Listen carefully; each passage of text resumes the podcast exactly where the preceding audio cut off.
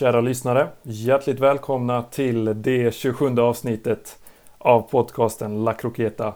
Där vi idag ska ta oss an eh, den allsvenska säsongen 2020 och knyta ihop säcken och summera våra intryck av den här mycket märkliga säsongen på ett sätt som nu har nått sitt mål i en historisk sen säsong som eh, avslutades nästan vid julen.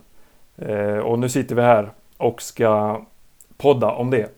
Jag leder det här programmet eftersom vi ska också eh, sammanfatta Superettan i ett annat avsnitt. Så att jag tar hand om programledarskapet i det här avsnittet och vi har med oss Alle och Kevin som vanligt. Hur är läget med er? Jo tack Bobo, eh, det är okej okay med mig. Jag blev ju sjuk och var inte med förra veckan. Jag har ju drabbats av eh, covid-19 eh, så att jag var inte med senast, men jag känner mig ganska okej okay just nu och är supertaggad på att gå igenom både Allsvenskan och Superettan avsnittet som kommer på söndag.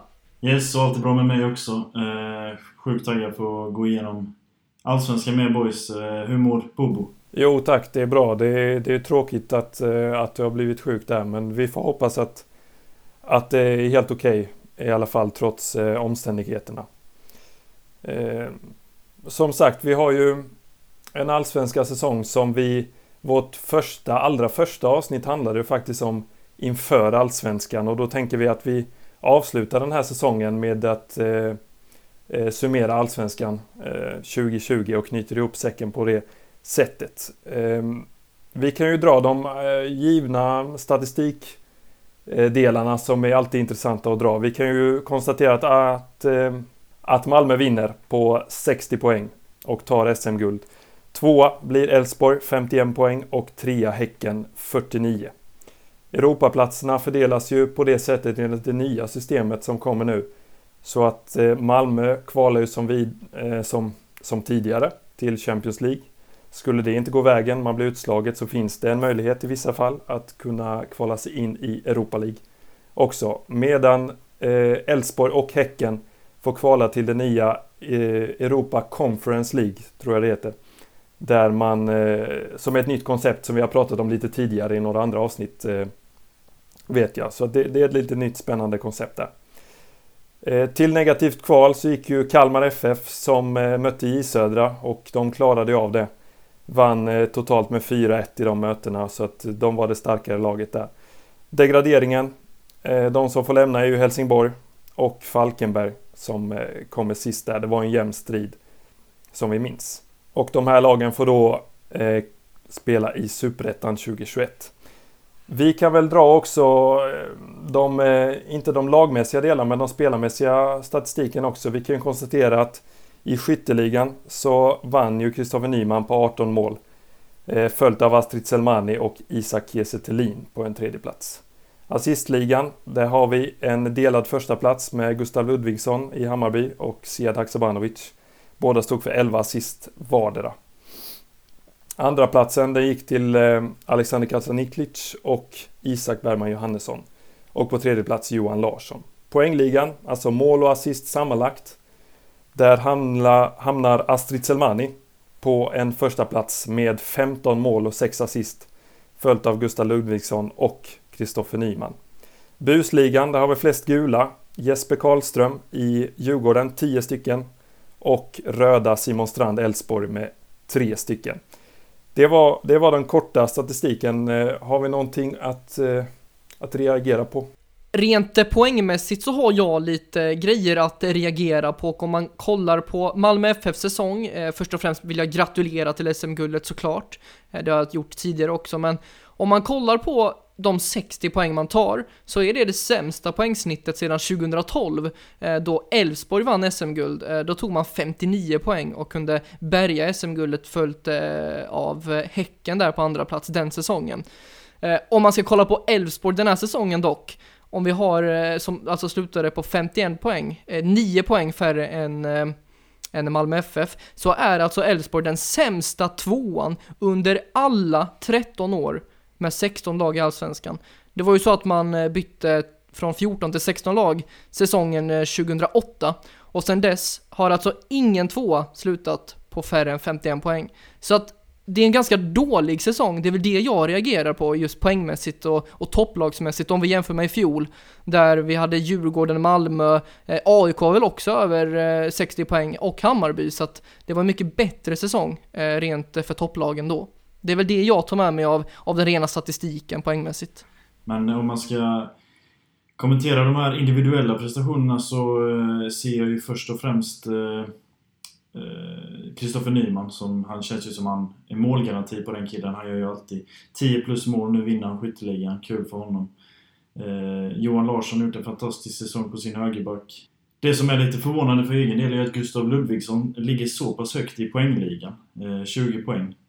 Eh, och däribland 11 assist då som han delar i toppen med Sedak Sabanovic i den assistligan och så har han gjort 9 mål på det. Eh, det var lite förvånande för egen del att få reda på det. Men eh, han har ju gått lite i skymundan och det är ju kul att hylla en sån spelare också.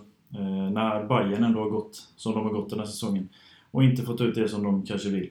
Sen även då Simon Strand där, tre stycken röda kort. Det är första gången någonsin i Allsvenskan som spelare får tre röda kort under en säsong. Så att eh, det ska även nämnas lite kort.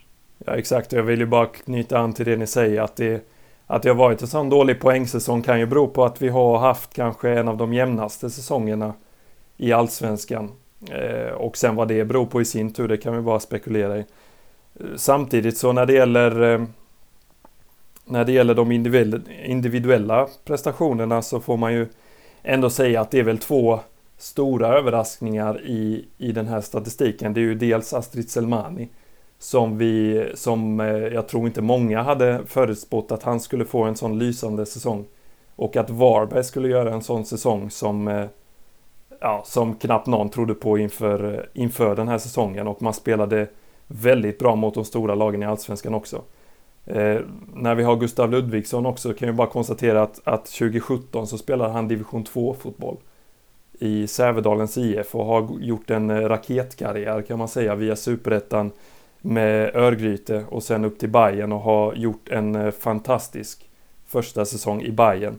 Eh, vilket är mycket kul att se, absolut. Så att eh, extra cred till Gustav Ludvigsson. Om man ska fortsätta på de individuella prestationerna så Isak Bergman Johannesson är också en spelare som var ganska okänd för, för människor inför den här säsongen, ursäkta. Så att eh, honom eh, kan man nog få en del pengar för i Norrköping. Absolut, det har ju diskuterats om, om han kommer säljas. Så vi får väl se. Han är ju väldigt ung men han har gjort en väldigt imponerande säsong.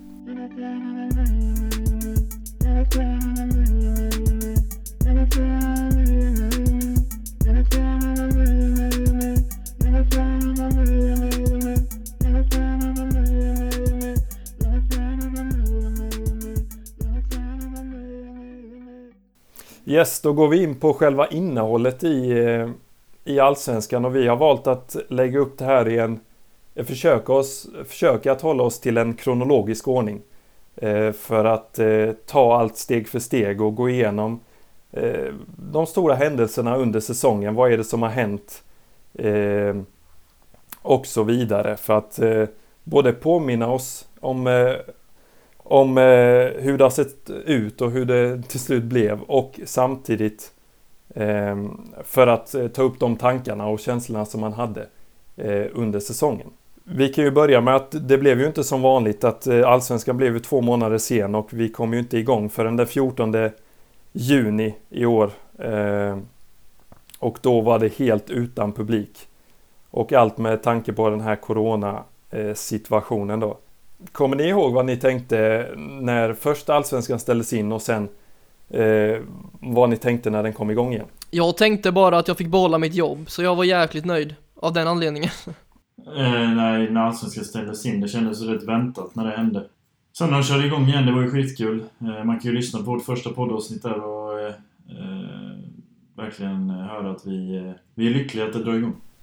Ja exakt, avsaknaden var ju väldigt stor inför att eh, ja, man fick ju knappt, det var ju knappt någon fotboll under, under våren så att det var ju väldigt kul att vi kunde komma igång. Men dock var det ju så att det var ju ingen publik och det visade sig att det blev ingen publik heller under hela säsongen förutom en match mellan Falkenberg och Djurgården den första november. Där eh, det var runt 300 pers som såg den matchen.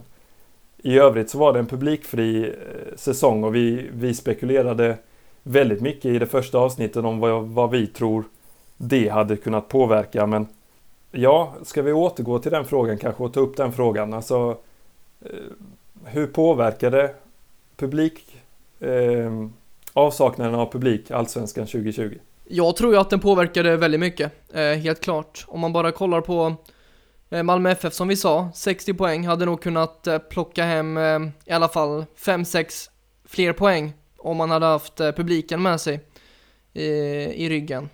Och sen om man kollar på de som har drabbats mest av det, det är väl Hammarby skulle jag säga, eh, som man trodde mer på inför den här säsongen. Jag kollar upp nu inför avsnittet att man förra säsongen med sin publik, sen är det såklart också en sportslig påverkan, men förra säsongen tog man 13 vinster hemma, den här säsongen tog man 4. Man var obesegrade förra säsongen på hemmaplan. Den här säsongen förlorade man två matcher, kryssade nio matcher. Så att det är ju eh, ett Hammarby som jag tror har påverkats absolut mest av den här pandemin.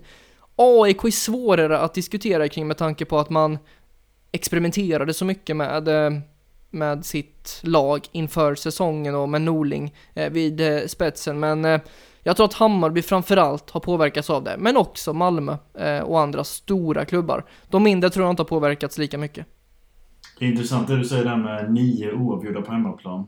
Ehm, jag vet att vi diskuterade det i början och sa, eh, det var någon som nämnde av oss att eh, publiken är ju ändå de som så här, eh, pushar, på, pushar på den sista kvarten, sista tio minuterna om det står lika läge då. Men utan publiken nu så har, det inte, har man inte fått samma push, eller spelarna har säkert inte känt av det på samma sätt. Och då slutar matcherna oftast oavgjort istället. Eh, så det kan ju vara en väldigt stor faktor till att eh, det, är just nio, nio hemmamatcher eh, oavgjort för Bayern. Annars som du säger så tror jag verkligen att detta är en, den största faktorn till att de här rekorden har slått med minst poäng per säsong. som du sa där innan så var det den sämsta tvåan någonsin och det tror jag verkligen att det är publiken som, som är en stor, stor orsak till det. och sen Bayern och Malmö. Som är två lag som är väldigt beroende av, sina, eh, publik, eh, av sin publik. Så, eh, och även IFK Göteborg är ju också ett eh, publiklag. Som har påverkats negativt och det, det är också en stor anledning varför de kämpar i botten eh, nästan hela säsongen. Så att, eh, nej, det, det är självklart en stor orsak. Ja, det är ju som ni säger att, eh, att eh, hemmaplansfördelen den minskar ju och det har jag varit inne på innan. Vi drog till och med in eh, eh, lite statistik i något avsnitt där vi jämförde lite om hur det såg ut där och det var ju på det sättet att, eh, att, eh, att kryssen ökade eh, på ett sätt som vi inte har sett de tidigare eh, säsongerna. En annan konsekvens av det här publikfria spelet är ju att, att det blev många matcher på kort tid. Det var ju nästan hockeyintervaller på de här matcherna, liksom match var fjärde dag ibland. Och två matcher i veckan och så vidare. Eh, vilket eh, kanske kräver en bredare trupp och eh, har man inte det så kanske det är svårt att, eh, att hålla uppe en bra nivå. Och ta de här tre poängarna som man alltid vill när man kliver ut på fotbollsplanen. Ja men då tänker jag helt enkelt att vi går in på eh, de olika lagen och vi tar upp eh, lite våra iakttagelser som har hänt och vi försöker att täcka in alla lagen. Eh, på ett bra sätt. Men det vi kan konstatera det är att, eh, att Norrköping inledde ju väldigt starkt den här allsvenska säsongen. Eh, och de var obesegrade de första åtta matcherna. Eh, och lyckades eh, ta många trepoängare i början och, och ledde ett bra tag.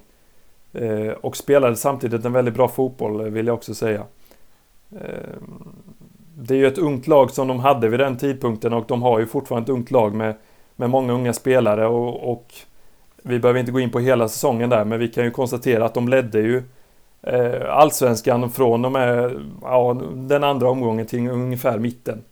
Eh, mitten av eh, säsongen. Den här starka starten som, eh, som Peking hade, vad, vad säger ni om den? Vi satt ju i ett avsnitt här och pratade om de som Eh, Eh, nästa guldlag eh, i många olika sätt. Eh, Nej men vi pratade ju om eh, IFK Norrköping eh, som eh, ett guldlag efter de första tio matcherna eh, i ett avsnitt kommer jag ihåg som också heter Peking mot eh, guldet eller något liknande och det var väl Haksabanovic inledning man främst var imponerad av. Eh, men sen så kom väl verkligheten ikapp. Jag kommer ihåg att Norrköping använde sig av samma lag ganska mycket inledningsvis eh, och, och bytte inte så mycket och, och roterade inte så mycket i truppen som Bobo var inne på innan eh, att det var viktigt. Men eh, det var väl liksom att, ja, det var väl, alltså det är svårt att analysera vad som gick fel för Norrköping, men det, en av anledningarna var väl säkert att man använde för, må, eller för få spelare i början av säsongen, tror jag. Att man bara körde på samma startelva. Och sen att Haksabanovic inte fick samma utväxling som eh, i början. Det är också någonting. Ja, det är väl ungefär så. Eh, ni som lyssnar, jag har väldigt problem med min hals just nu så att ni förstår det. så är det. Nej, men jag kan ju bara fylla i det du redan har sagt. Eh, IFK Norrköping har ju ett bra lag. Det har de ju att stå på. Eh, Isak Pettersson är ju en av Allsvenskans bästa målvakter, 100%. Eh, Sead Haksabanovic. Han var ju hur bra som helst där i början ju. Levererade både assist och mål. Eh, han gjorde ju det mest i början av säsongen. Det svalnade av lite, som du sa. Pontus Almqvist kom igång, men han blev såld. Eh, Rasmus Lauritsen en av Allsvenskans bästa mittbackar den här säsongen blev ju också såld eh, lite senare. Men en kille, den här Bergman Johannesson, han gjorde ju nio assist den här säsongen. Han gjorde ju ett antal mål också. Eh, jag tycker han har varit... Eh, han har hållit en stabil nivå över, över hela säsongen egentligen. Eh, han har ju spelat på typ nästan alla positioner. Det känns det som i alla fall. Jag vet att han har spelat ytterback, innermitt, yttermitt. Eh, lite överallt känns det som. Eh, och han har gjort det bra. Eh, trots sin unga ålder så har han verkligen presterat. Eh, och, eh, det är verkligen kul att se. Eh, annars, som alla säger, eh, det här med att man inte roterade så mycket i början kan ju verkligen påverka. Eh, och sen är det ju också, det är, det är Norrköping, det är ju liksom ingen vinnarklubb egentligen. Så att, eh, jag vet inte om den mentala biten kom ifatt också kanske. De fick ju, det var många som snackade om att det här var ett eh, guldlag redan i början. Och det, det kan ju också äta upp en. Eh, att man sätter för stor press på sig själv. Och så vidare. Men nej, det var kul att se i början. Sen svalnade de av och de slutade ju sexa så att eh, de kan ju inte vara nöjda med den, med den eh, sluttabellplaceringen. Men de hade ju verkligen, de hade ju faktiskt chansen i sista omgången att eh, ta en tredjeplats. Och sen sumpar man det mot Helsingborg så då får man faktiskt skylla sig själva. Eh, så enkelt är det. Nu ska jag bara komma in Kevin, vinnarklubb är de väl? Eh, har väl ett, de är väl topp 5 på SM-guld i Sverige, tror jag. Men jag fattar vad du menar, idag är de kanske inte det. Nej, då får jag rätta med det. Eh, men de här spelarna som spelade kanske inte är vinnare, eller de, de har inte vunnit så mycket. Det var ju det var ett ungt lag. Så att på så sätt kanske den mentala biten kan komma ifatt de här unga spelarna. De hade inte så många rutinerade spelare. Eh, så det kan väl vara den faktorn då. Eh, jag får rätta med det. Ja, precis. Trea ligger de på listan. 13 SM-guld har Norrköping. Nog om Norrköping, Bobo. Det vore jävligt dåligt att med den. ja, okej. Okay. Ja, men eh, om vi ska fortsätta titta på inledningen så kan vi också säga att Häcken gjorde ju en väldigt fin eh, start där man bara förlorade en match på de första 11 eh, faktiskt. Samtidigt som Elfsborg också eh, imponerade i början och framförallt stora delar över säsongen. Eh, man har ju kanske den bästa streaken om man säger så med en förlust på de första 16 matcherna. Eh, varav åtta är vinster så att det är väl hälften vinst, hälften kryss där men Sen åkte man ju på den här 6-0 eh, förlusten borta mot Häcken. Eh, men samtidigt är det så att man är ju det laget i Allsvenskan som förlorade minst matcher i eh, den här säsongen. Bara tre stycken. Och det räckte till en andra plats. Samtidigt så var man det laget som kryssade flest matcher också med 15 kryss. Eh, och således var det då eh, 12 vinster. Och det räckte till en andra plats. Eh, vilket som vi var inne på, det hade kanske inte räckt någon annan säsong. Om vi ska ta i den andra änden så kan vi ju konstatera att ett lag som ganska snabbt hamnade på fel fot, det var ju Kalmar FF. Som visserligen hade en, eh, eh, två matcher i rad där man vann, men eh, sen gick det en väldigt lång period under inledningen av säsongen. Man hade, man har nog den längsta man har den längsta streaken på antal förluster med sex stycken förluster i rad ihop med Östersund. Eh, de två får dela på den, på den utmärkelsen. Men det var ju så att liksom IFK Göteborg så hade ju Kalmar väldigt svårt att eh, vinna matcher i början av säsongen. Tre vinster på eh, 20 matcher, på de första 20 matcherna. Vilket eh, på något sätt drog dem in i bottenstriden. Absolut. Men i takt med, med Norrköpings vacklande så började ju ett annat storlag komma igång och det var ju Malmö FF. Som omkring omgång 10 och framåt radade upp vinster och hade 10 eh, matcher i rad utan förlust. Eh, och på så sätt tog över eh, ledartröjan för, eh, för allsvenskan och låg i toppen i princip från dess att eh, att Norrköping tappade första platsen och, och fram till eh, ja, fram till att man konstaterar att de har vunnit allsvenskan. Vilket var ganska långt ifrån eh, eh serieavslutningen. Eh, Kevin, som eh, Malmö-supporter så eh, är det ju alltid intressant att, att höra dina åsikter om Malmös eh, ja, men säsong, får vi ändå kalla det. Eh, vi kan ta hela på ett svep. man började ju rätt, rätt skakigt Eh, men avslutade eh, rätt bra. Men jag vill höra dina intryck om Malmös säsong. Mina intryck om andra säsongen. jag ska säga så här först och främst. Eh, på grund av publikfrågan så har ju även eh, mitt inflytande i den här säsongen försämrats drastiskt. Eh, så att detta är nog den sämsta säsongen jag har följt eh, under de senaste åtta kanske. Eh, jag brukar ju vara på plats och se matcherna oftast. Eh, och då har jag automatiskt hängt med i allt som har hänt. Eh, och den här säsongen har jag inte kunnat se... Jag fick se en match i restaurangen på plats. Så jag har inte sett någon match live på riktigt. Tyvärr kostar det även lite... Jag vet inte om det kostar intresse egentligen. Eh, men det kostar i alla fall eh, att följa laget. Ehm, så att eh, mina, vad ska man säga, min sammanfattning är väl inte den bästa om man jämför med vad jag hade kunnat ge er några år tidigare. Men eh, visst, fantastisk säsong. Ehm, det får man väl ändå säga. De tar ju guldet. Även fast säsongens eh, slutpoäng, som vi nämnde innan, inte är det bästa, så eh, kommer ju ändå guldet till Malmö och eh, det är flera, flera spelare som gör en eh, väldigt bra säsong. Toivonen kommer ju hem eh, och levererar. Eh, AC Eh, kanske gör sin bästa säsong någonsin i Malmötröjan. Eh, och sen har vi då den här Anel Ahmedhodzic som eh, verkligen har klivit fram och blivit ledare i backlinjen. Liksom, eh, Rasmus Bengtsson, som är en eh, spelare som jag gillar väldigt mycket, har ju de senaste åren varit eh, en väldigt stor ledarfigur i backlinjen och verkligen bärt försvarsspelet i Malmö. Honom har man inte ens saknat nu när man har sett Anel komma in. Eh, och Rasmus Bengtsson är ju på väg bort nu till och med så att... Eh, nej, det visar ju vilken klass Anel besitter. Och sen har vi ju Kiese som är på lån, eh, som har gjort 14 mål i år. Eh, och han, han är ju... Han är ju en bra anfallare och han gör det bra i Malmö-tröjan också. Det var ju första säsongen nu utan Rosenberg, så det var ju också lite, lite tråkigt. Eh, Rosenberg är ju faktiskt, eh, eller han var ju, eh, han är fortfarande Malmö FF.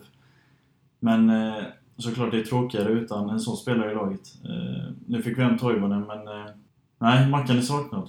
Vad ska man annars säga? Som du sa, eh, det började lite darrigt. Malmö har en tendens att börja lite darrigt. Men eh, eftersom de också har en av de bredaste trupperna i hela Allsvenskan så jämnar det ut sig lite i slutet när de andra spelarna börjar bli lite... Eller de andra lagens spelare börjar, börjar bli lite eh, trötta, kanske mentalt och fysiskt, så eh, har ju Malmö en så pass bred trupp som de ska klara av det. De ska klara av både Europaspel och Allsvenskan. Och nu när det inte blev något Europaspel så eh, är det ju många spelare som eh, sitter hungriga på bänken också. Och det är verkligen en stor fördel för Malmö. Annars är det väl de här tre spelarna som jag tycker man ska nämna främst för den här säsongen. Anel, AC och eh, Ola. Jag tror det är så att om man slår ihop eh, alla klubbar förutom Malmös kapital så når man inte upp till Malmös kapital. Det är så stor eh, ekonomisk skillnad eh, och den kanske kan bli ännu större om Ahmed Hodzic säljs en potentiell 100 miljoners export från MFF. Tror du att det är möjligt att det händer redan nu Kevin? Att de skickar Ahmedhodzic?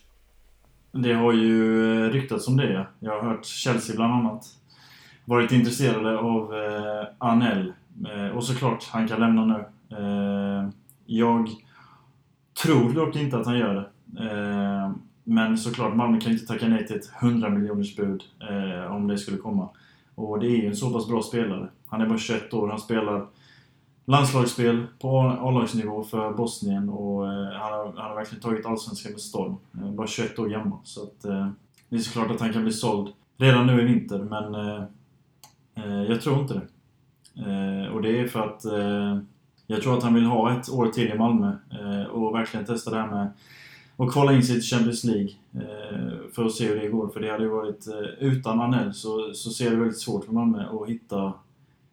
De behöver i princip nästan två stycken eh, försvarsspelare av hög klass för att eh, eh, få ihop ett bra försvarsspel för att kunna nå Champions League-nivå. Eh, Brorsson och Lasse Nilsson håller tyvärr inte för det. Eh, Anel gör det, men eh, det går inte att hålla i honom om det kommer ett för bra bud. Ja, vi kommer ju återkomma till den här killen senare i avsnittet, men frågan är dock inte om han kommer trots allt gå. Jag tror det faktiskt, för att han har spelat 29 matcher i år och startat de 29.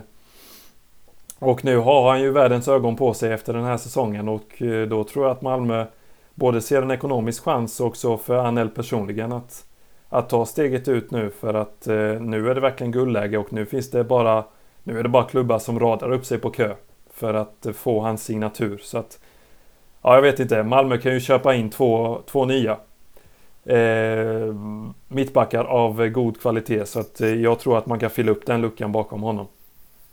Absolut, men det, det är ju intressant, en intressant fråga och det återstår ju att se var han hamnar någonstans. Ja, och då kommer vi tillbaka till ett eh, ämne som vi var inne på lite tidigare, det här med AIK. Som gör, eh, ska man säga, två olika säsonger i en säsong. Om jag, ut, om jag, om jag säger så. Man, man inledde säsongen med Rickard Norling ju, som vi alla minns eh, gjorde om spelsystemet eh, rätt rejält inför den här säsongen och spelade en väldigt intressant fotboll men samtidigt en fotboll som inte gav de önskvärda resultaten. Det blev ju så att eh, Norling fick 11 matcher och han eh, tog tre vinster med det här AIK-laget. Och sedan så kom ju Bartosz Gelak in och eh, på något sätt kom AIK tillbaka till eh, ett mer traditionellt spel och eh, gjorde faktiskt en väldigt bra avslutning vill jag säga och eh, lyckades rädda upp det värsta i alla fall. Men, men eh, ja, kommer ni ihåg någonting eh, om eh, hur vi uppfattade, eller hur ni uppfattade AIKs spel här under Rickard Norling? Var det rätt att, att spela på det här sättet? Det var väl ett roligt försök, men också någonting, eh, ett önskemål från supportrar, från förening och, och alla möjliga att spela på ett bättre och roligare sätt. Ett AIK som tidigare varit ganska kända för ett tråkigt defensivt spel, eh, vinna med ett mål, uddamålet ofta. Eh, så att eh, eh, det var väl det som Norling behövde göra för att eh, få nytt förtroende och, och, få fortsatt förtroende framöver. Sen så gick det ju inte alls vägen och Norling känner väl själv där att han hade kört det lite ner i, i, eh, i jorden eller vad man säger så att eh, det var ett kul försök men det lyckades man ju inte med. Eh, sen gjorde Jelak det som behövdes för att klara kontraktet och sen vinna det man kan förvänta sig. Vad tycker du Bobo? Ja men jag, jag håller med där. Det var ju ett AIK som hade ett väldigt ungt lag. Eh, och ställde upp med många egna talanger. Eh, och det var kanske Ja, det kanske inte var det som orsaken men det kanske man hade inte den kvaliteten på truppen som krävdes att spela den här så kallade Atalanta-fotbollen med en man-man-press över hela planen. Eh, i princip. Ehm, och ser man till det resultatmässiga så under Rickard Norling så förlorade man ju ungefär hälften av de matcherna, alltså 5-6 matcher. Se här, samtidigt tog man bara tre vinster och eh, ja, som jag var inne på innan, det var ju ingen, ingen effektiv eh, lösning nu i efterhand att ta de här tre poängen. Eh, om vi går till den andra delen av säsongen så eh, så när AIK hittade tillbaka till, eh, ska man säga, till det, till det mer traditionella spelet så radade man ju upp faktiskt en fyra vinster i rad och sen hade man ju faktiskt till och med en period med åtta vinster i rad utan förlust. Eh, vilket var här i slutet där man eh, gjorde en väldigt stark eh, avslutning på säsongen. Jo men jag kan ju tillägga där Bobo, jag tror ju inte att något allsvenskt lag egentligen kan rå på och spela den typen av fotboll som krävs för att spela som Atalanta. Eh, det känns ju som att kvaliteten i allsvenskan är allt för dålig. Eh, det är väl min, mitt resonemang liksom nu i efterhand när man har sett hur det har gått för AIK. Och det känns ju inte som något annat lag ska kunna göra det på samma sätt som Atalanta och, och som större klubbar ute i Europa. Något positivt AIK kan ta med från den här säsongen måste ju ändå vara att de, som Bobo sa, eh, lät många unga spelare komma fram och verkligen ta chansen. Eh, då snackar vi om Paulus Abraham eh, till exempel, eller Erik Karl, ytterbacken där. Två bra spelare som även representerade u landslaget om jag inte är helt fel på det. Lite senare sen. Så det får väl ändå AIK ta med. Och den här fina avslutningen som, som, som de ändå gjorde och hamnade någonstans i mitten. Så att eh, det får man väl ta med och sen eh, lära sig att kanske inte experimentera för mycket. Ja, om vi ska ta det i andra änden då och ta en eh, riktig överraskning så måste vi gå in på Varbergs Boys som eh, gör en, eh, en riktigt bra debutsäsong i, i Allsvenskan. Eh, man har ju i princip legat i mitten av tabellen eh, stora delar över säsongen. Mot slutet har man fallit tillbaka lite men har faktiskt aldrig varit sämre än tolfte placerade laget. Eh, vilket är imponerande. Alla trodde ju att de skulle ligga i botten ungefär ja, hela säsongen. Eh, men man var inte ens nere på kvalplats. Eh, är Varbergs Boys årets överraskning i Allsvenskan? Nej. Det skulle jag inte säga ändå. För att det finns ett annat lag som vi kanske kommer till senare som är eh, lite av en större överraskning för min del. Varbergsborg såklart, fantastisk säsong. Eh, aldrig varit sämre än 12 Det trodde ju... Jag skulle säga att ingen trodde det. Eh, och Astrid Selmani, som jag till och med glömde nämna innan på de individuella prestationerna, har ju gjort en eh, utmärkt eh, säsong. Eh, och vilken spelare! Så att eh, nej, jag bara hyllar Varbergs Boys, det här hårt kämpande laget som, eh, som bara kämpar för varandra och eh, tar de poängen de verkligen behöver. Det är, det är väldigt starkt. Sen tror inte jag att Varberg skulle vara där de är och säkra kontraktet så tidigt om de inte hade haft Astrid. Han betydde otroligt mycket tror jag för detta Varberg. Men Svanis, trodde du, eller tycker du att Varberg är årets överraskning? Nej, det skulle jag inte säga. Um, men de överraskar på mig, absolut. Det har de gjort. Och framförallt då Astrid. Uh, men också Jocke Persson, vilken ledare, vilken härlig profil, tränarprofil han är. Um, och gjort allsvenskan roligare att se på med sin underhållning, med sin typ av intervjuteknik han besitter. Uh, så att uh, otroligt härlig tränare eh, som fick ihop laget, men med en spets som verkligen behövdes i Astrid Selmani. En sak vi kan ta med oss från eh, Varbergs Boys säsong i Allsvenskan det är ändå att, eh, att eh, pengar inte alltid behöver vara avgörande. Jag menar, Varberg kom upp i Allsvenskan med i princip eh, så kallade superettan-spelare, kanske division 1-spelare. Eh, och eh, fick ihop ett lag som vågade mycket. Jag menar, man spelade oavgjort mot Malmö borta och den matchen såg jag från första minut till sista minut.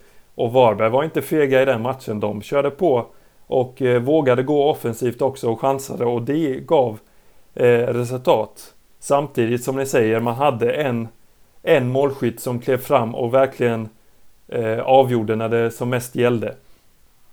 Och eh, tack vare Tack vare Astrid Selmani så lär man ju sälja honom nu och få in en del pengar för att kunna rekrytera nya spelare och förlänga kontrakt. Eh, men det är ju såklart, eh, vad hade Varberg varit om Astrid Selmani inte hade varit i truppen kanske? Hade de klarat sig då, tror ni? Ja, jag är tveksam faktiskt. Jag är väldigt tveksam. Eh, jag tror att han var så himla viktig för det laget. Eh, men jag tror de hade klarat kontraktet ändå, men eh, kvalplats kanske. Eh, men jag tror ändå de hade klarat sig med tanke på eh, den scoutingverksamhet de ändå hade med eh, och har i den klubben med att plocka in bra spelare som du nämnde Bobo, jag har hört det också många andra snacka om det att de eh, plockar bra spelare från division 1 oftast. Eh, och sen tar upp dem till superettan, eller allsvenskan nu då. Eh, men eh, tveksamt, men de hade nog klarat det ändå tror jag. Och då ska det även sägas att Astrid Selmani plockades från division 1. Ja, och kollar man statistikmässigt så han gjorde 15 mål och eh, Varberg gjorde 45 mål totalt så han stod ju för en tredjedel av målen och inte nog med det så låg han ju bakom en, en hel del mål också och bidrog med sin karaktär också. Som vinnarskalle och utpräglad målskytt. Så att vi får se hur Varberg eh, kommer stå sig utan Selmani för att jag tror verkligen att han kommer gå till en större svensk klubb eller någonstans i, i utlandet. Vi svingar tillbaka pendeln och eh, hamnar återigen i en, eh, ja, men i en besvikelse får vi ändå säga när vi får diskutera IFK Göteborg också som eh, återigen eh, får vi säga floppar eh, en säsong. Eh, man hade ju inledningsvis Poya Asbaghi som tränare eh, och det gick inte vägen efter 18 omgångar så, så fick han sparken och eh, Roland Nilsson kom in. Och på något sätt gjorde det jobbet som krävdes för att hålla IFK Göteborg på en, på en nivå som höll dem ovanför kvalstrecket. Inför säsongen var det ju mycket snack om de här nyförvärven som kom in. Mycket av det gamla Blåvitt kom in. Kom in eh, Sebastian Eriksson, Bjärsmyr eh, och så vidare. Många av dem som man förknippar med tiden för några år sedan.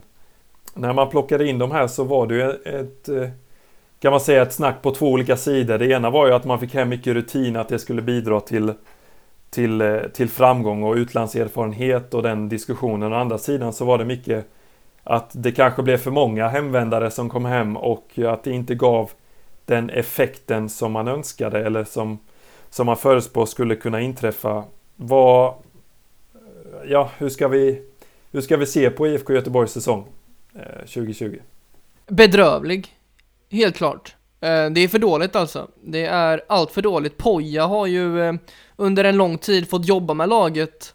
Sen byttes han ju ut som du sa Bobo, men man förväntade sig så mycket mer och så mycket mer av ett Göteborg med gamla spelare eller äldre spelare som eh, som inte kom in och förändrade så mycket som man kanske hade hoppats på.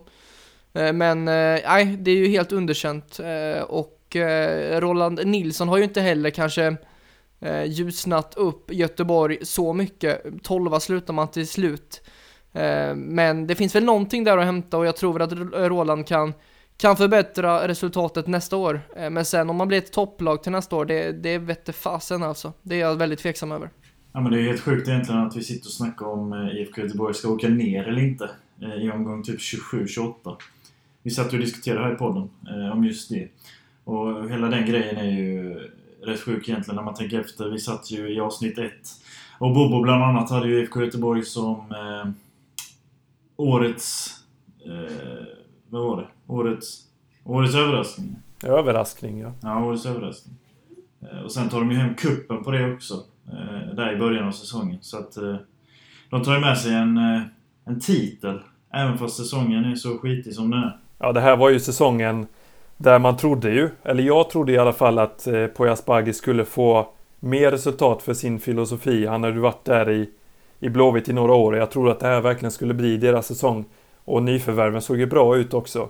Eh, enligt mitt tycke. Men samtidigt får man ju konstatera att eh, IFK Göteborg hamnade snett väldigt tidigt och eh, man har inte legat bättre än tionde placerad från omgång omgång sju. Så efter det har man legat sämre än tia under hela den tiden. Och det har på aldrig, det har aldrig liksom haft någon topp kan man säga placeringsmässigt. Och eh, något annat som jag också kommer att tänka på det är ju att man har kryssat väldigt många matcher och man har kryssat många matcher på hemmaplan också. Där de tre poängen framförallt ska in. Vilket eh, också gör att eh, eh Ja men tar man inte sina tre poäng hemma, ja men det är ju ännu svårare att ta dem borta. Generellt sett. Sen finns det väl kanske bortalagsspecialister som kanske är Kalmar FF. Men eh, IFK Göteborg är inget bortalag skulle jag vilja säga. Ehm, och nu tvivlar man ju mer på nästa säsong. Alltså jag tror inte att jag vågar tippa dem jättehögt nästa säsong heller. Men eh, vi ska inte dra allt för stora växlar av, eh, av det här inför nästa säsong. Men eh, det är klart att man är mer osäker på Göteborgs status nu än, än vad man var inför den här säsongen. Nej, och till sist där också, det känns ju som en rad av nödlösningar när man plockar in många gamla spelare, men också exempelvis Kouakou. Jag vet inte hur väl genomtänkta alla värvningar egentligen var, för att väldigt få av dem har hittills burit ut eh, på ett bra sätt. Så att eh, vi får se, eh, som Bobo säger, man kan inte dra för stora slutsatser inför nästa säsong, men jag tror det behövs byggas eh, om en del och eh, att det där laget hittar rätt på ett annat sätt. Vi får se inför nästa säsong, men ett mittenlag är min prognos just nu i alla fall. Sen ska det även nämnas att eh, Robin Söder gick ju sönder i början av säsongen. Kaptenen för laget och jag tror fan att det, det skadade nog laget mer mentalt än vad folk trodde. För han var ju, han var ju ledaren för det här laget och skulle bära dem in i den här säsongen. Men det blev inte av. Ja, men då kanske vi ska gå in på eh, en annan, eh, en annan eh, positiv aspekt i alla fall i, i Allsvenskan. Och det är ju IF Elfsborg som gör en fantastisk säsong och kanske är det mest underskattade topplaget i Allsvenskan. Och den här säsongen fick man ju verkligen det man ville ha och hamnade till slut på en andra plats vilket är, vilket är imponerande. Och eh, Jimmy Tillin som har varit i klubben ett tag nu har verkligen fått, eh, fått valuta för pengarna. Om man säger så och man har fått igång eh, nyckelspelarna också. Jag menar Jesper Karlsson gjorde en fantastisk eh, insats för klubben eh, tills han blev såld till eh, AZ Alkmaar. Men trots det så tappade man inte allt för mycket eh, allt för mycket offensivt utan man lyckades balansera upp det på på ett bra sätt. Och man har hållit en generellt sett över, över säsongen så man har hållit en väldigt jämn nivå. Det finns en liten, liten eh, dipp i mitten av säsongen eh, där man gick ner sig också. Men det har ju i princip alla klubbar i, i allsvenskan. Eh, och den dippen bestod egentligen av att man kryssade till sig fem matcher i rad. Vilket i övrigt så radar man upp en, en eh, rad olika segrar och man eh, förlorar endast tre matcher. Ehm, den här säsongen. Tror ni att eh, man hade kunnat prestera ännu bättre och utmana Malmö om Jesper Karlsson hade fått stanna? Såklart hade det påverkat positivt för Elfsborgs del, för det var ju Elfsborgs största anfallshot. Eh, det var det ju. Ehm, och han gjorde ju målen för dem. Eh, och andra finesser. Jag tänker på den här Ravona-assisten, det var den som kom upp i mitt huvud nu. Sånt försvann ju när han försvann. Och det är såklart, då hade de ju kunnat eh, ta sig lite närmare Malmö. Jag tror ändå att Malmö hade gått hela vägen för de var så pass starka i slut, slutetappen. Eh, men såklart, de hade kunnat vara med en, en längre bit in i, in i säsongen. Det, det tror jag verkligen. Ja, Malmö hade ju försprånget där rätt rejält ju, så att jag tror inte att det hade det hade påverkat jättemycket tror jag inte att han, att han lämnade. Men eh, det finns ju många spelare i Elfsborg som har gjort en väldigt bra säsong. Eh, jag menar Per Frick brukar alltid ligga i toppen där. Han, han har gjort en rätt bra säsong. Visst, det blev kanske inte lika många mål som man kanske förväntar sig. Det blev tio stycken och sex assist. Eh, samtidigt har vi Rasmus Alm också som eh, stängt in nio bollar med fem assist och eh, jag menar lite mer defensivt så har man ju Simon Olsen, Simon Olsson som, eh, som också har presterat och levererat eh, fina prestationer. Eh, I målet har man Tim Rönning som eh, kanske är eh, bland de bästa målvakterna i Allsvenskan. Och sen har man ju också Okumo i backlinjen också. Så att det är många spelare som har klivit fram i Elfsborg den här säsongen och det är kanske därför som, att, som, som man hamnar på en andra plats till slut. Och då har du inte ens nämnt Johan Larsson som gör en fantastisk säsong på högerbacken får man återigen säga. Ja, det finns ju jättemånga att välja på så att eh, ja, det var de jag kom på för tillfället. Men det, det är många som sagt som, eh, som har gjort en bra säsong i Elfsborg. Och den allra bästa kanske är Jimmy Tillin, huvudtränaren, som har gjort det väldigt bra. Eh, som, eh, jag haft några rätt tuffa år med Elfsborg, men nu äntligen få till det. Vi får se. Ett Elfsborg som jag i alla fall ser som en ljuspunkt inför nästa säsong. Och beroende på hur de värvar såklart. Eh, ska bli intressant att se vad man kan prestera även eh, nästkommande säsong och se om man kan ta sig ut i det där eh, Europa Conference League. Det tror jag man kan. Ett annat lag som jag också tycker att vi ska ta upp det är ju IK Sirius eh, som gör en, eh, en blandad säsong men ändå imponerar på ett, på ett sätt. Man har ju många intressanta spelare i, i den truppen. Eh, vi kommer alla ihåg Sugita i inledningen av säsongen som eh, var väldigt betydelsefull för Henrik Rydströms eh, lag. Eh, man hade ju helt klart sin bästa period i början av säsongen och även någonstans mot mitten. Eh, men man lyckades inte på, på något sätt att eh, hålla ihop det och eh, hålla upp det på den nivån som, eh, som man hade i början. Jag menar, man eh, låg ju i toppen ganska länge. Eh, i början och mot mitten av säsongen så låg man där runt 5, 6, 7 Men började successivt att, eh, att eh, trappa ner. Eh, och hamnade till slut på en tionde plats. Är det någonting som ni vill, ni vill säga om Sirius? Jag kan väl bara nämna kort att det är väldigt synd att det blev som det blev för Rydström, att man inte kunde knyta ihop säcken. För jag tycker att eh, Sirius rent spelmässigt var en av de absolut eh, mest intressantaste lagen den här säsongen och kunde bli en stor överraskning. Men det var ju avslutningen då där man inte vann de åtta senaste matcherna, utan kryssade mycket, förlorade mycket och den avslutningen eh, blev ju eh, väldigt vägledande för tabellplaceringen, en tionde plats. Ja, som du säger Ali, jag håller ju med där 100%. Om man ska nämna några individuella prestationer från Sirius eh, så har vi ju Stefano Vecchia som vi inte har nämnt ens en gång än i, den här, eh, i det här avsnittet. Som eh, gör en eh, fantastisk säsong på sin ytterkant. Eh, vi har en Elias Andersson som faktiskt nu har gått till eh, Djurgården. Han gör ju en väldigt bra säsong på inre mittfältet och sen den här Sugita. Japanen är han väl. Gör ju också en fantastisk säsong. Så att några individuella prestationer som verkligen har eh, gjort det här laget till ett eh, bra lag. Eh, och sen har ju Henrik Rydström fått ihop det bra, men eh, han lyckades ju inte knyta ihop säcken som du sa och sen så lämnar han nu efter säsongen. Så att, eh, tråkigt slut, men eh, i mitten såg det, så det väldigt ljust ut tycker jag. Det blir intressant att se hur mycket man kommer tappa nu. Eh, som du sa, Elias Andersson till Djurgården. Stefano Vecchia kanske också på väg till Djurgården. Vi får se lite hur det blir med den affären. Eh, sen har vi ju Daniel Bäckström, Malmös assisterande, är klar för Sirius nu. Kommer ju faktiskt idag.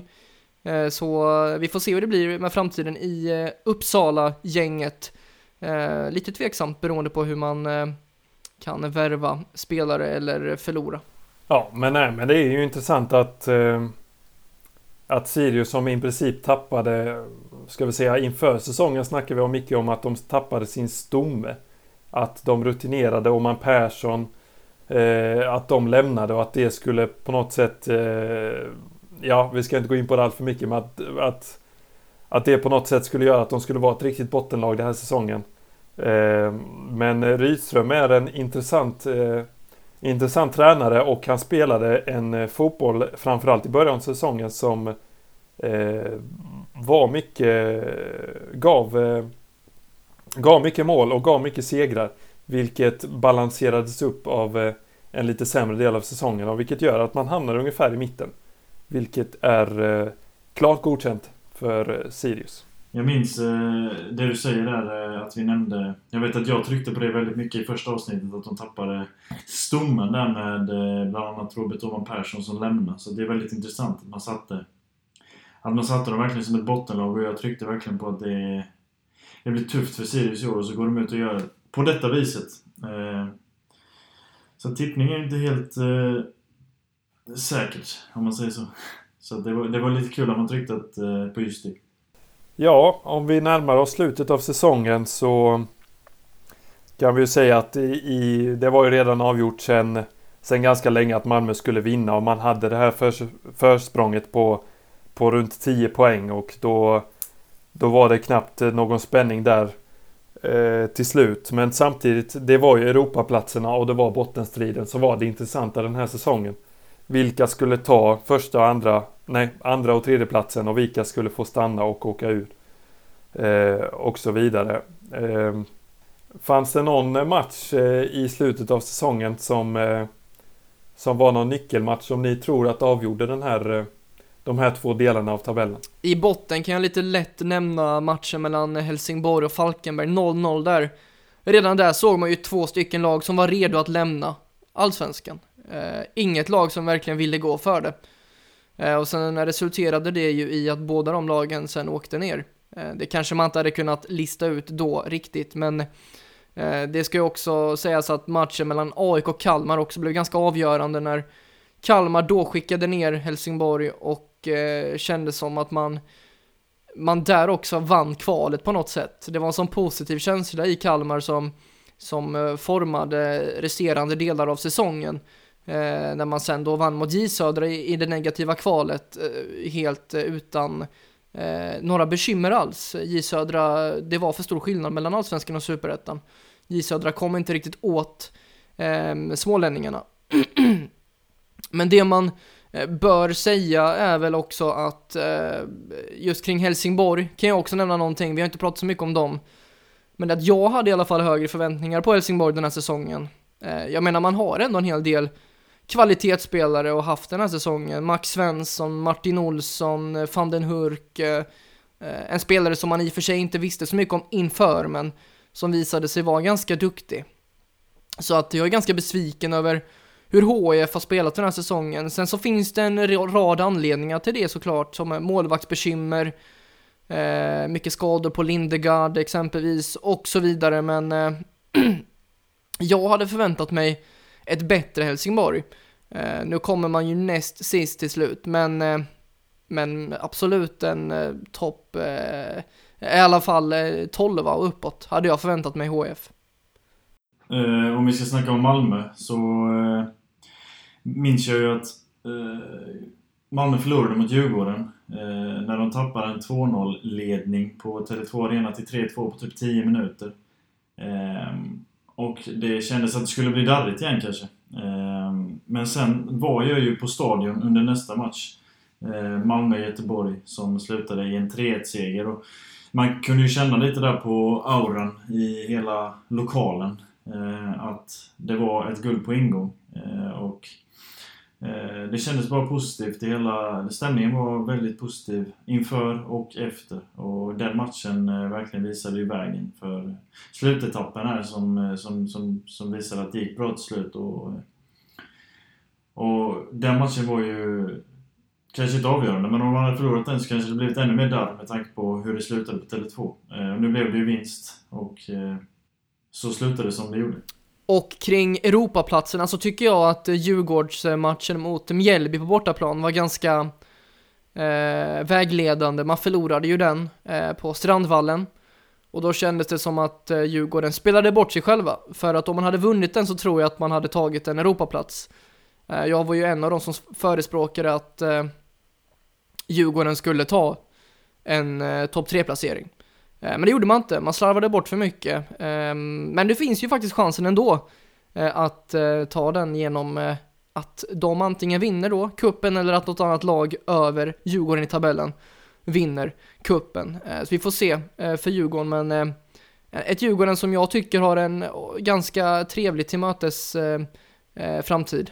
Ehm, med Elias Andersson exempelvis. Jag såg också att Simon Tern var nära ett Stockholmskontrakt. Eh, de blårandiga Djurgården. Vi får se om eh, det sker, men eh, ett Djurgården som jag tror kan tycka har en fin framtid. I övrigt, toppen. Ja, det, blev, det var ju rätt tråkigt med tanke på att Malmö vann så tidigt, alltså att det var klart så tidigt. Så det var ju främst Europaplatserna som man fick försöka ha någon typ av spänning kring. Men så himla spännande var det väl kanske inte. Elfsborg hade ju redan klarat en Europaplats inför sista omgången. Så det var väl mest botten jag tyckte var intressant i slutet. Jo, absolut. Och istället för Djurgården så blev det ju Häcken som tog tredjeplatsen och eh, det är ju ett Häcken som har eh, byggt upp en väldigt stark defensiv. Man släpper ju in minst mål i, i hela serien. Samtidigt så är man inte lika vassa offensivt kanske som man förväntar sig av ett topplag. Jag menar man har gjort man är ju det laget som ligger i toppen som har gjort sämst eller minst antal mål den här säsongen och det kanske är avsaknaden av en stor målskytt. Eh, och man istället har haft många olika målskyttar den här säsongen. Men tack vare sin defensiv så har man eh, lyckats ta poäng och det har räckt till en tredje plats vilket, eh, vilket är bra för ett tecken. Nej men om vi ska sammanfatta eh, lite kort så kan vi säga att de stora överraskningarna eh, skulle vi nog säga det är nog Elfsborg och Mjällby Eh, och Varberg, kanske till och med Örebro som eh, hamnar på en sjunde plats ändå, eh, vilket är lite över, över förväntan. Under prestationerna, ja, men AIK, IFK Norrköping lite grann får vi sätta där också. Blåvitt, Hammarby framförallt och Helsingborg. Och samtidigt de andra lagen får då hamna på någon slags förväntad placering. Ja, men då är det dags för ett litet eh, roligt segment. Det finns ju någonting som heter Allsvenskans eh, stora pris. Och vi vill också ha en egen pris, eh, ett eget pris att dela ut. Och varför inte ha ett pris som heter La Croquetas stora pris som är exakt samma. Det som finns eh, i det allsvenska stora priset. Men vi vill ju eh, såklart dela ut vårt eget pris och vi har kommit överens om vinnarna tillsammans inför det här avsnittet. Och vi kommer dela ut priser till Årets målvakt, back, mittfältare, anfallare, tränare, unga spelare och mest värdefulla spelare i Allsvenskan.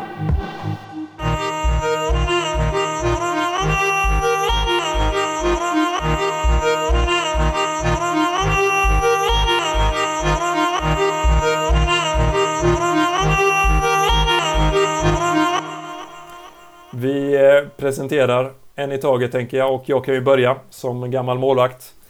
Så eh, går priset enligt oss till Pontus Dahlberg i Häcken.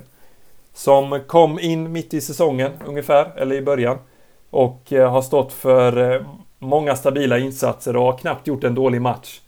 Eh, han vaktar kassen i det laget som har släppt in minst antal mål i serien.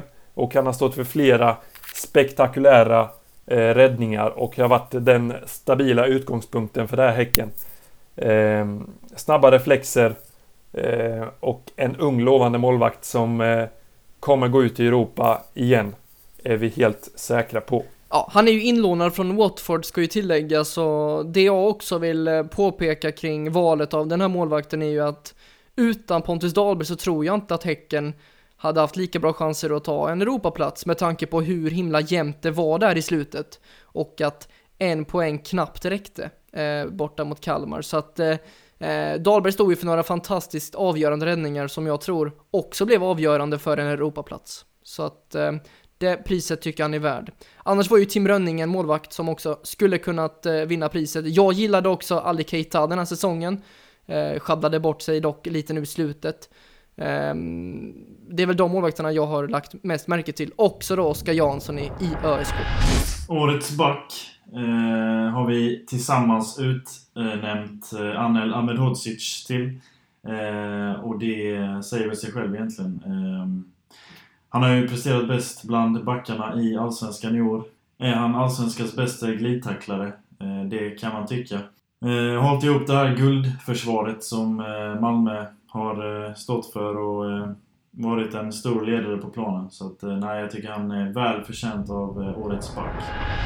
Årets mittfältare, där hittar vi en lagkapten som ju tog över efter Marcus Rosenberg, den stora ikonen, legendaren i Malmö FF. För vem skulle ta över den kaptensbinden och det stora ansvaret han hade? Det blev ju ingen mindre än Eh, Anders Christiansen som ju har gjort en fantastisk fin säsong. Dansken på mittfältet som har lett Malmö tillsammans med Anel Ahmedhodzic eh, och stått för, ja, inte minst framspelningar men också mål i ett eh, ljusblått eh, MFF som eh, verkligen tog tag i saken efter den där eh, trassliga inledningen och sen så var det inget snack om saken. Och Anders Christiansen Eh, har varit en av de absolut största anledningarna till det. Och har ju faktiskt fungerat ganska bra med Ola Toivonen. Och det är också värt att notera att han som lagkapten och som den eh, offensiva eh, mittfältare han till en början var i en roll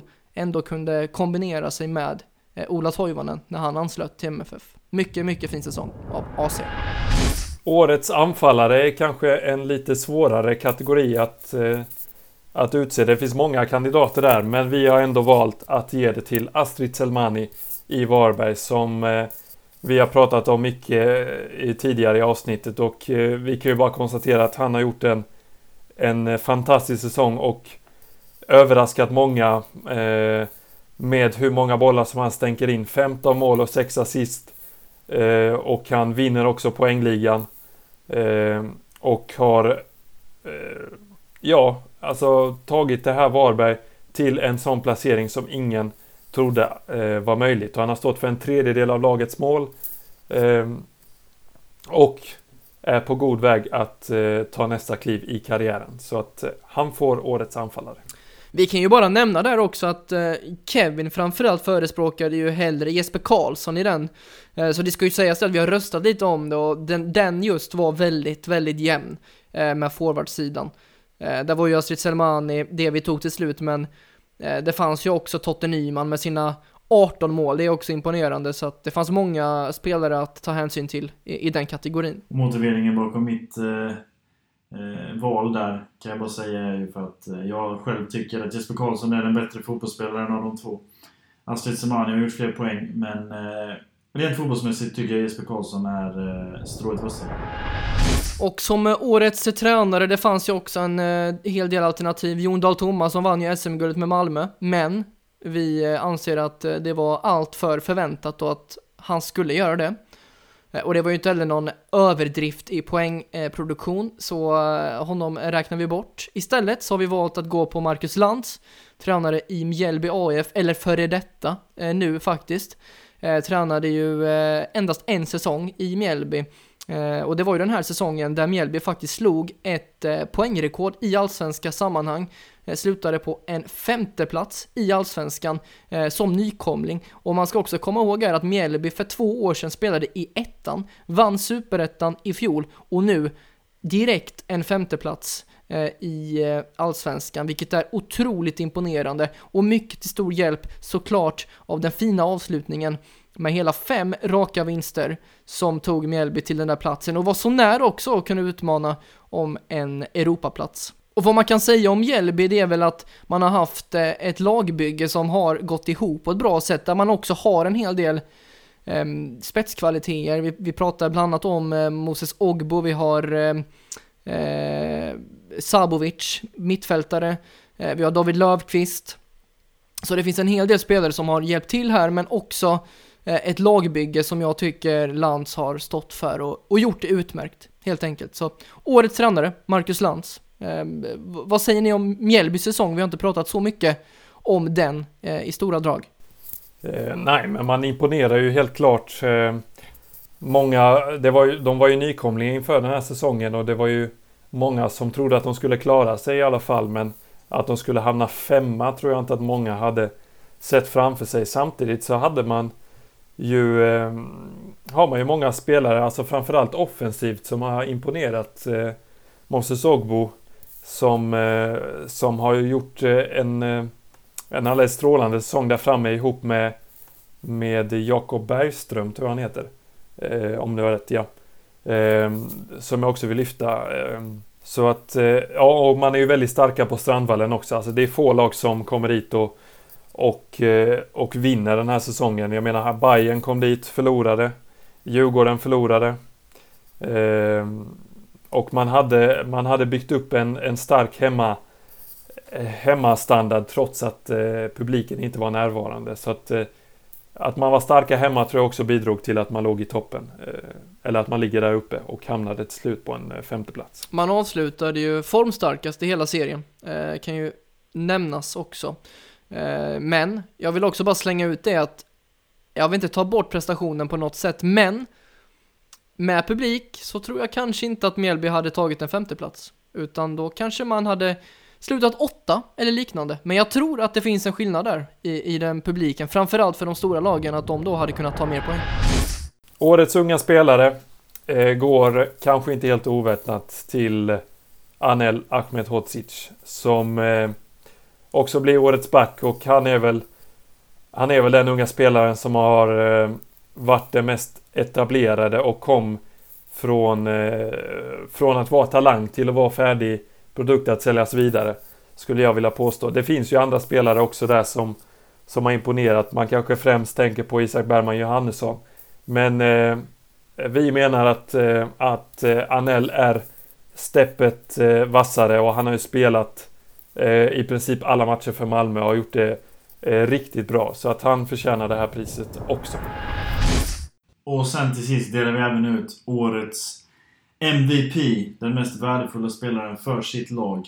Eh, och då har vi valt en eh, ljusblå kille som även blev guldmålad i tidningen. Eh, Anders Christiansen, återigen dansken på mittfältet som Svanis berättade här innan om hans eh, fantastiska säsong som han har bakom sig nu. 13 mål och 4 assist. Bland en massa bra prestationer. Så att, eh, nej, det är inget snack om saken. Han, eh, han eh, var den mest värdefulla spelaren för det här laget som även tog guld. Och då förtjänar man eh, det här priset från La Croqueta. Ja, och då har vi kommit fram till det sista momentet i eh, den här delen av summeringen av Allsvenskan 2020. Och då tänkte vi helt enkelt knyta ihop till våra tippningar. Hur gick det för oss? Eh, har vi någon vinnare? Eh, blev det som vi tänkt oss? Och eh, om vi börjar med dig Alle så hade ju, prickade ju mitt i prick på att Malmö skulle ta, ta guldet. Eh, samtidigt så var du ute och cyklade med Bayern eh, och Djurgården var du ganska nära på ändå. Eh, så att du har gjort en klart godkänd tippning vill jag ändå påstå. I botten, om vi tittar på det, så eh, kan vi säga att du har ju ett rätt i alla fall. Det är att Falkenberg åker ner, eh, dock inte på rätt placering. Men eh, de andra två lagen är ju de eh, som har imponerat ju. Så att eh, där hamnar du lite snett och du var ju ute och dissade Varberg en hel del inför den här säsongen och sa att Robin Tranberg är den bästa spelaren i Varberg. Vilket inte visade sig vara sant. Vill du kommentera någonting kring det eller något annat? Jag får väl be om ursäkt för det och referera till vad Kevin sa tidigare att, att tippa kanske inte är det bästa. Eh, det ska man inte gå på att, att, man, är, att man är expert eller någonting eh, bara för att man tippar liksom och sådär men eh, det är väl därför det heter betting, att man kan ha fel.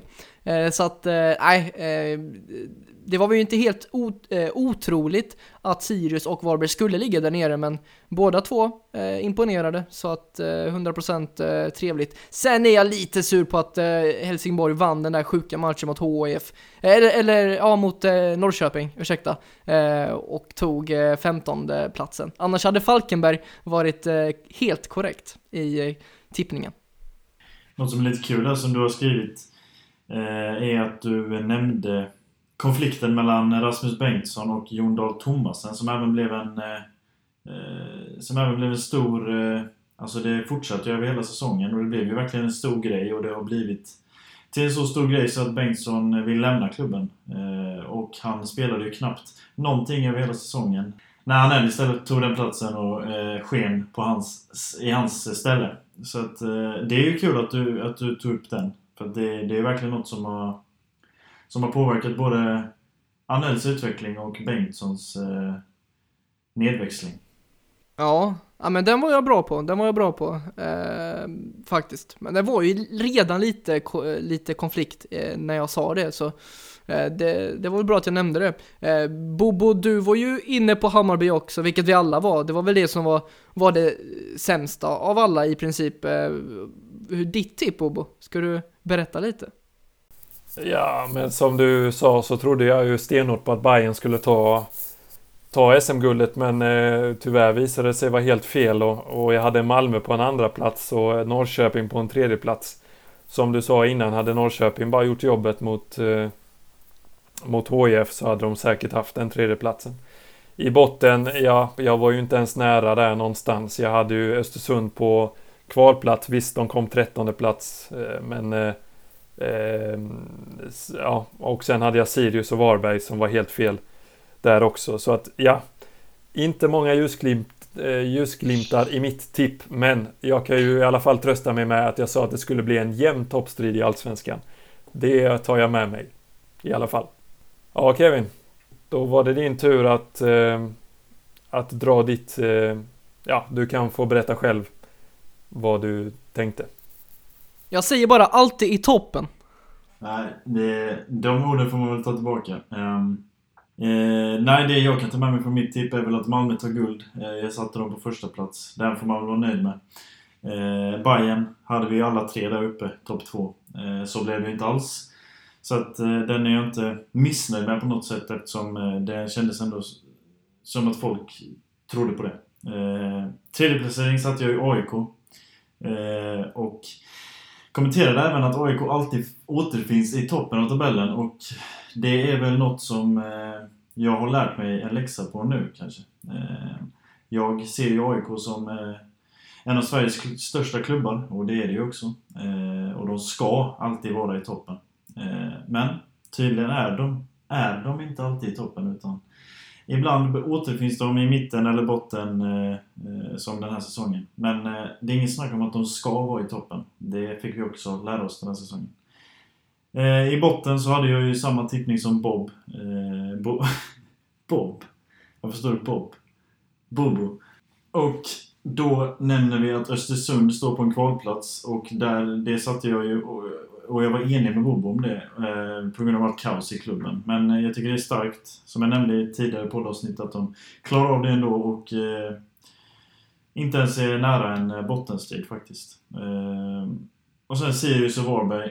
Jag får väl bara säga att jag var helt ute och cyklade på dem. Eh, Sirius tappat stommen. Nej, men de hittade... Tydligen hittade de en eh, ny stomme att bygga hela laget kring och det blev ännu bättre. Och Varberg, det här hårt kämpande laget som eh, jag inte trodde alls på, eh, motbevisar mig rejält. Jag tycker inte vi ska vara allt för eh, hårda mot oss själva när det kommer till den bottentippningen vi har gjort. För att det är inte orimligt att tippa Sirius och Varberg så eh, lågt som vi gjorde om vi ser till inför säsongen och om vi jämför med andra experter så att eh, helt eh, skämmas ska vi inte göra. Eh, jag kom på här, eller jag ser att Boba har skrivit upp att eh, jag skrev att AIK skulle vara flopplaget och där fick jag väl lite rätt. Jag trodde på en sjätte placering, nu har jag inte riktigt koll på var de kom, men eh, åtta kanske. Om jag inte är helt fel ute och cyklar nu. Men försämrat anfall var jag inne på där och Norling har du noterat här, nu kommer inte jag ihåg vad jag sa där, men mitt i prick skrev Bobo och det får man ju glädjas åt. Ja, det var det verkligen och man kom ju på en nionde plats till slut och ja, det var ett intressant resonemang eh, som du förde där. Eh, faktiskt och eh, kan ju bara säga att om du hade eh, mitt i prick där så hade mitt eh, verkligen, eh, det har verkligen gått åt skogen för jag hade ju som sagt IFK Göteborg. Som jag tror att äntligen skulle de vara tillbaka och bli ett etablerat topplag, men nej. Eh, det fick jag äta upp. Så att eh, det visar ju bara hur fel man kan ha när man gör sådär. Så att nej, Eh, bra till alla, godkänt. Mycket väl godkänt till mig, underkänt på den eh, punkten. Kevin, du nämnde ju också tre talanger som man skulle ha ögonen på under säsongen och du nämnde ju Emil Holm, Tim Pritsa och Armin Gigovic. Där endast en är kvar eh, i Allsvenskan i alla fall för nu. Vill du, vill du kommentera det här på något sätt eller? Eh, eh ja. Nej men det ska ju sägas att de här tre spelarna som jag nämnde här Det var kanske inte de tre spelarna som blommade ut mest den här säsongen. Eh, Emil Holm, Tim Pritcha och Armin Gigovic. Eh, men det är fortfarande tre väldigt stora talanger. Eh, och som du säger, två har flyttat från Allsvenskan, en är kvar. Om jag skulle byta ut den här listan idag så hade jag ju självfallet istället kanske satt Isak Bergman Johannesson, Anel Ahmed Hodzic och Pontus Almqvist. Men nu får det vara de tre och det är fortfarande tre stora talanger. Eh, ingen lyckades väl blomma ut som jag ville den här säsongen. Armin Gigovic är väl lite undantaget. Han var ju faktiskt eh, väldigt bra och blev även såld. Emil Holm var ändå helt okej okay också. Det enda du var helt fel ute på var ju Tim Pritsa där som stack ju till eh, danska ligan, tycker jag. Ja, då så. Då har vi summerat Allsvenskan 2020.